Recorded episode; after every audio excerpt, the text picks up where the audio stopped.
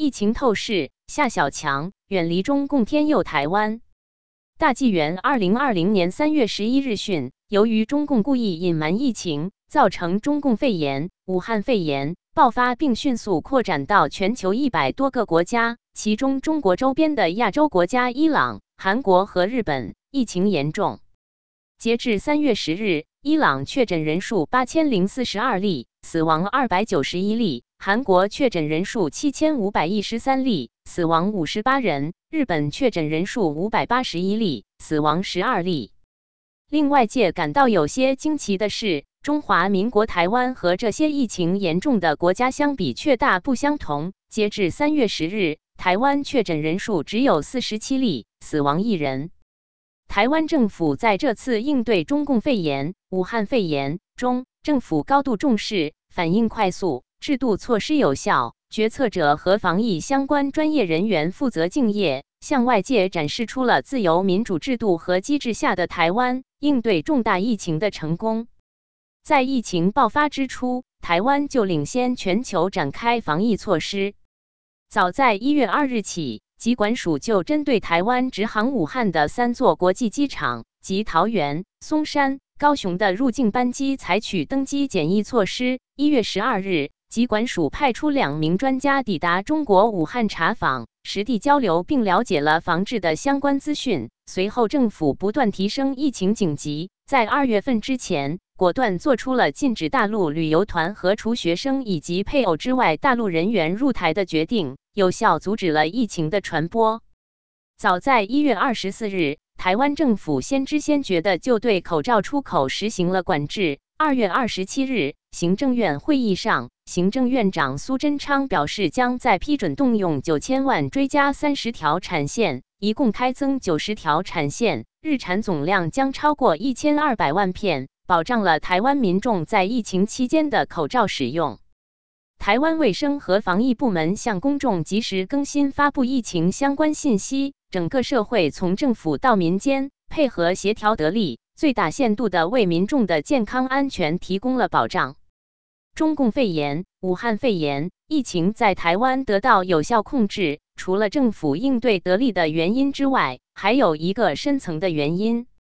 对此，两岸政策协会研究员兼副秘书长张宇韶的分析十分到位。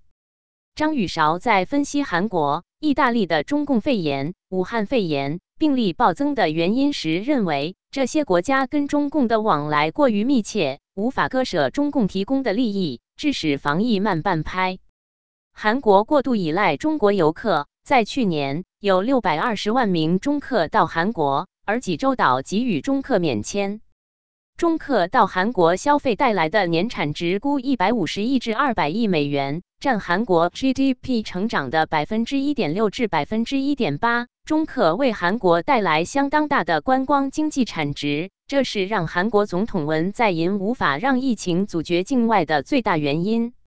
张宇韶表示，意大利的状况跟韩国类似，一国是得到中国最大订单的欧盟国家之一，同时他们相当支持“一带一路”，中共可掌握国内游客旅行的动向，并让大批游客到意大利。意大利也有很多温州商人，而温州是中国疫情最严重的地区之一。这些因素都使得意大利防疫不利。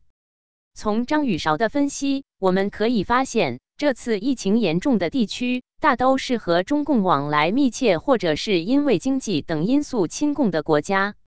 这其实并不是偶然的。事实上，远离中共可以避免灾难带来好运的这个现象，在之前的中华民国总统大选上就已经有所体现。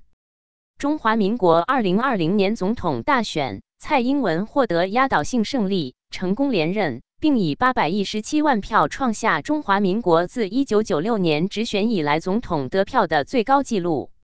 不仅如此，在立委选举中，民进党也大胜，获得四十六席；国民党惨败，只得二十二席。台湾的年轻一代在看到香港年轻一代用鲜血和生命抗争中共、守护自由和人权的遭遇后，认清了中共的邪恶。看到了中共是台湾自由和安全的最大威胁，他们选择了坚定的立场，用选票拒绝了中共。蔡英文、民进党的大胜和韩国瑜、国民党的落败，给世界带来了一个重要的警示：中共在全世界的渗透扩展被遏制，中共政权在走向衰亡的趋势下，谁和中共站在一起，谁相信了中共的谎言，谁就会倒霉和失败，最终会让自己陷入厄运，甚至招致杀身之祸。这一现象正发生在台湾与全世界。如今，中共肺炎、武汉肺炎疫情的扩散也在证实着这一点。从这个角度来看，去年中共七月三十一日发布公告，暂停包括北京市、上海市、天津市等四十七个城市的对台自由行，或许就是上天佑护台湾而做出的提前安排，早早减少了半年之后武汉疫情爆发之后传入台湾的风险。因此，远离中共。拒绝中共、抗击中共，确实是保护个人、家庭和国家安全的最佳选择。远离中共，天佑台湾。责任编辑：高毅。